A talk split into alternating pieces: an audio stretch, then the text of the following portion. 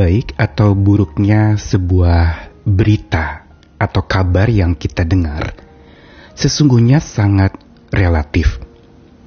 Karena kita manusia sering kali terburu-buru memberi gelar sebuah kabar itu baik atau buruk. Baik bila itu kedengarannya menyenangkan, membahagiakan diri.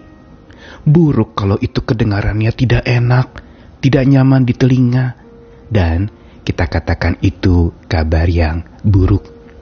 Padahal ini semua mengandung dimensi relatif, sangat-sangat subjektif. Karena pandangan setiap orang yang memberi gelar baik atau buruk kepada sesuatu yang terjadi di dalam hidup itu adalah pandangan yang sangat-sangat pribadi dan tidak bisa dimutlakan. Begitu pula kehidupan kita, baik dan buruk, itu keduanya adalah sahabat di dalam kehidupan. Karenanya, kita harus berdamai dengan keduanya. Karena kabar baik tidak sepenuhnya baik, kabar buruk juga tidak sepenuhnya buruk. Karena itu, jangan terburu-buru menilai kabar ini baik, kabar itu buruk. Karena bila kita melihat semuanya berasal dari Tuhan. Baik adanya dan bahkan benar. Tuhan jadikan itu untuk supaya kita bisa melihat betapa dinamika iman kita lewat baik atau buruknya kehidupan. Tuhan selalu beserta dan memberi kekuatan. Karena segala asal yang dari Tuhan akan dimampukan terhadap manusia untuk menanggungnya. Saya Nikolas Kurniawan, menemani di dalam Sabda Tuhan hari ini dari dua ayat. Pertama dari kejadian pasal 24 ayat 50, dibacakan dari versi Alkitab yang terbuka. Kemudian Laban dan Betuel menjawab, Karena hal ini berasal dari Tuhan, kami tidak dapat mengatakan kepadamu baik atau buruknya. Lalu Ayub pasal 2 ayat 10, namun jawab Ayub kepadanya, kamu berbicara seperti perempuan bodoh berbicara. Apakah kita akan menerima yang baik dari Allah dan tidak akan menerima yang buruk? Dalam semuanya itu, Ayub tidak berdosa dengan bibirnya. Penilaian yang terburu-buru tentang baik atau buruknya sebuah keadaan atau kehidupan sesungguhnya menyisakan sebuah ketidakdamaian. Karena dengan terburu-buru menilai baik atau buruk, kita sebenarnya sudah melabelkan atau memberi nama. Padahal keduanya, bila itu berasal dari Tuhan, tidak ada baik, tidak ada buruk. Semuanya adalah untuk tujuan kemuliaan Tuhan dan untuk supaya setiap orang bisa melihat bahwa apa yang terjadi itu mengajarkan kita untuk makin dekat kepada Tuhan. Inilah yang dialami dalam kejadian pasal 24 ayat 50. Kejadian 24 mengisahkan tentang bagaimana seorang hamba dari Abraham yang mencarikan istri untuk Ishak, anak Abraham. Dan pada waktu itu lewat sebuah proses yang cukup panjang, akhirnya memang didapati seorang yang bernama Ribka, yang lalu kemudian Lewat tanda yang diminta dari Tuhan, Tuhan menunjukkan bahwa Ribkalah istri yang Tuhan sediakan untuk Ishak. Dan karena itu hamba Abraham ini bertanya kepada Laban dan Betuel, ayah dari Ribka.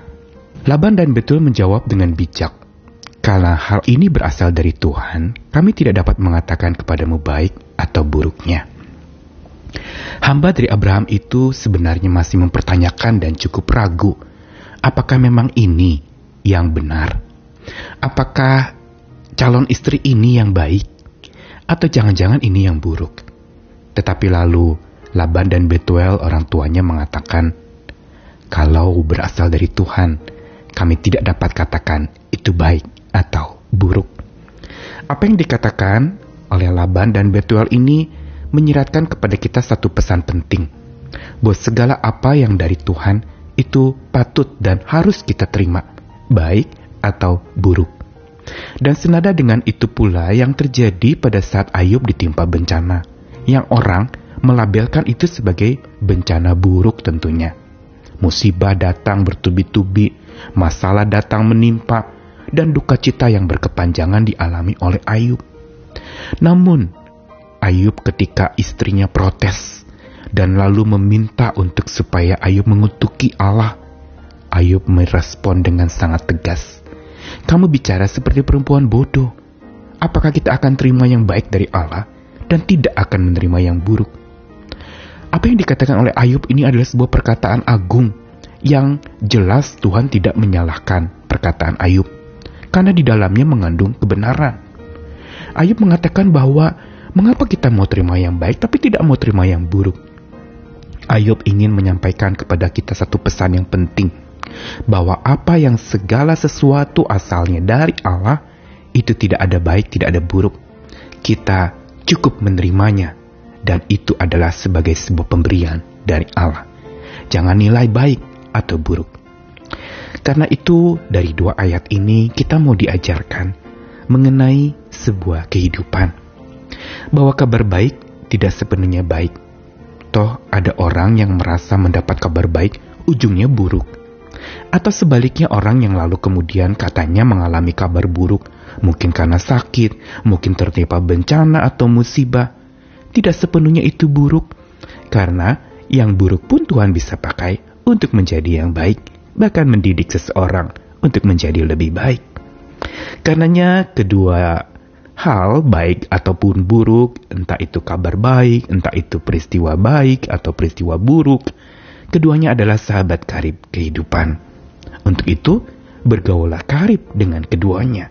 Baik atau buruk itu sangat relatif, yang menilai manusia tapi di mata Tuhan, Tuhan waktu menciptakan seluruh isi dunia mengatakan, semua baik adanya.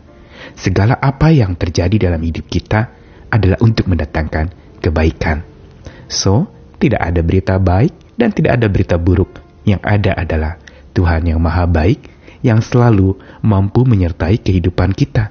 Apa pun keadaannya, apa pun kondisinya, Tuhan selalu menguatkan kita untuk menerima segala hal yang baik ataupun buruk yang asalnya dari Tuhan.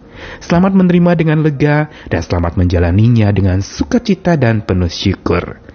Jadikanlah baik atau buruk kehidupan itu sebagai sahabat karib dan bergaullah karib dengan mereka sebagaimana kita bergaul karib dengan sang pemilik hidup. Selamat bergaul karib dengan Tuhan sahabat sejati kita, sang pemilik kehidupan yang tentu saja penuh dengan berkat dan anugerah. Amin.